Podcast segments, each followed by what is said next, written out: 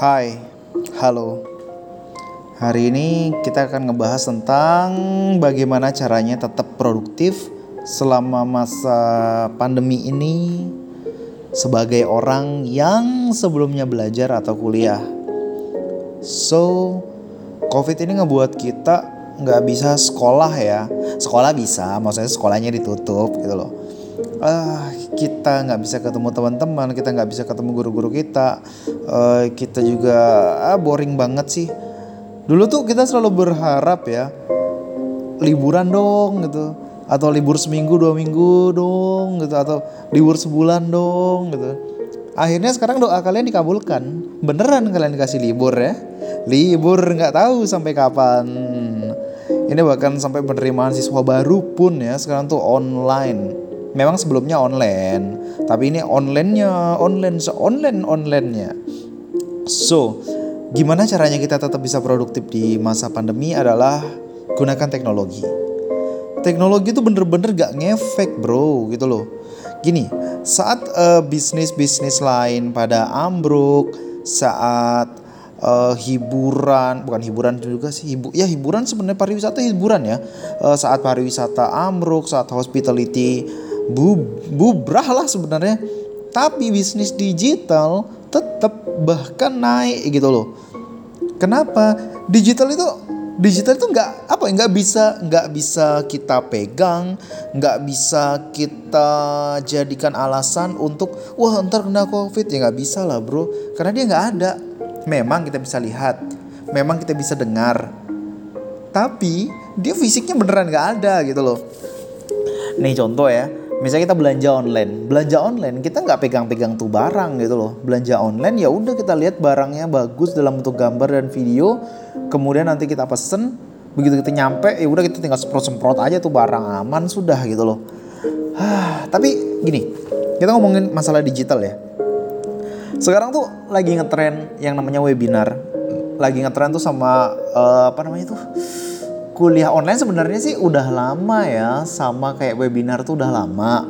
Tapi nggak semua orang kenal dulu. Biasanya orang-orang yang uh, mau kuliah lagi tapi males. Kemudian eh, orang-orang yang cuma mau nyari sertifikat atau misalnya mau nyari upgrading skillnya gitu loh. Nah tapi sekarang semua mau tiba-tiba jadi webinar ya. Tiba-tiba penyedia telekomunikasi tuh paket datanya cepet habis gitu loh yang dulunya tuh sebulan misalnya 8 giga itu udah banyak banget. Sekarang mah wuh 30 giga tuh bisa habis loh. Bayangin tugas banyak kemudian nyari materi juga lewat internet gitu loh. Exactly kita mikirnya gini aja deh. Pada saat tantangan itu muncul solusi sebenarnya berbarengan dengan tantangan itu gitu loh Survival of the fittest. Siapa yang paling bisa menyesuaikan diri, dia yang bisa bertahan gitu loh. Kenapa dinosaurus punah? Dia nggak bisa bertahan gitu loh. Iya.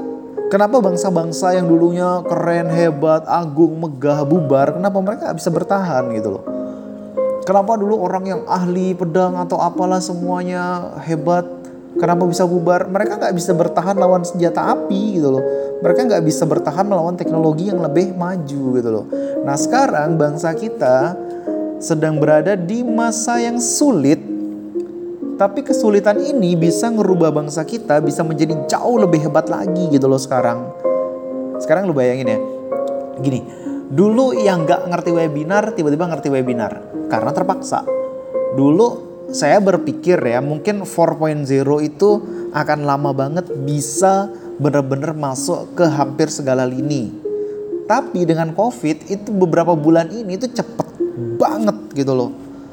Orang tua tuh yang dulunya udah nyerahin anaknya ke guru udah selesai lah ntar kalau anaknya kenapa-napa ntar gurunya disalahin lah gitu sekarang rasakan anda membina anak anda di rumah dikira enak ngurus anak anda itu nah tapi gini uh, ini adalah peluang gitu loh. Ini adalah peluang yang besar bagi kita. Misalnya gini, anggap sekarang saya adalah siswa kelas 2 naik kelas 3 gitu loh. Saya punya skill. Kalau saya punya skill, berarti skill saya ini bisa saya gunakan. Contohnya buat bisa gini-gini. Contohnya gimana?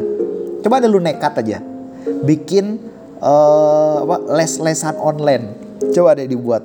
Bikin les-lesan online buat adik kelas gitu loh.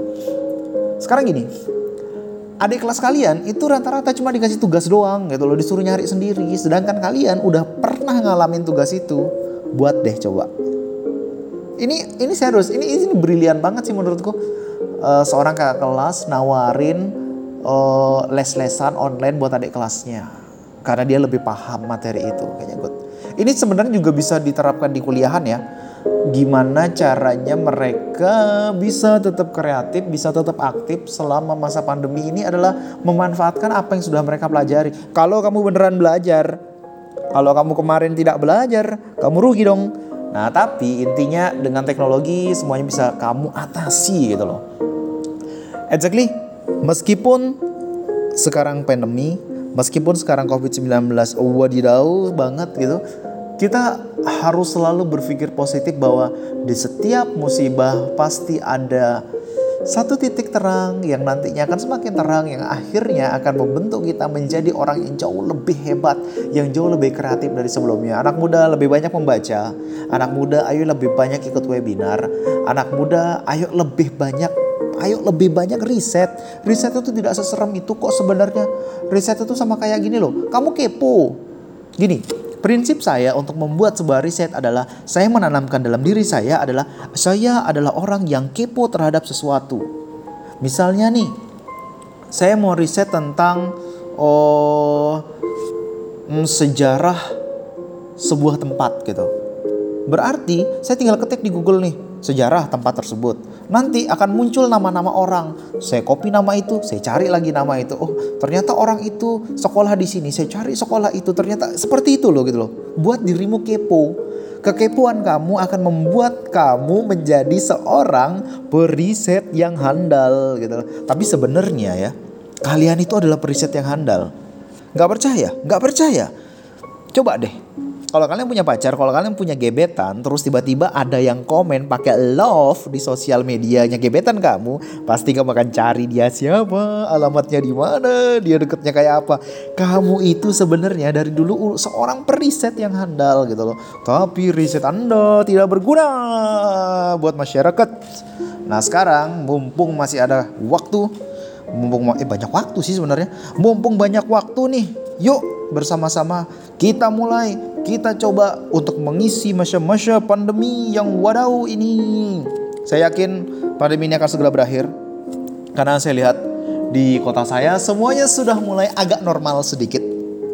Meskipun ke mana-mana harus pakai masker dong, kita nggak bisa lihat orang dong. Tiba-tiba, eh kamu kenal aku? Siapa anda? Kemudian begitu dibuka maskernya, ternyata dia adalah teman kita. Ya seperti itulah banyak kasus-kasus lucu ya sebenarnya gara-gara pandemi ini. Dan orang-orang jadi lebih care sama kesehatan. Masuk sini cuci tangan, masuk situ cuci tangan. Bagus juga sih sebenarnya. Kalau kita ambil dari sisi positif ya. Oke, itu. Jadi anak muda tetap produktif, anak muda tetap ayo kita coba membuat riset-risetan anak muda ayo tetap kita berpikir bahwa pandemi ini bukan halangan bagi kita untuk terus maju oke okay?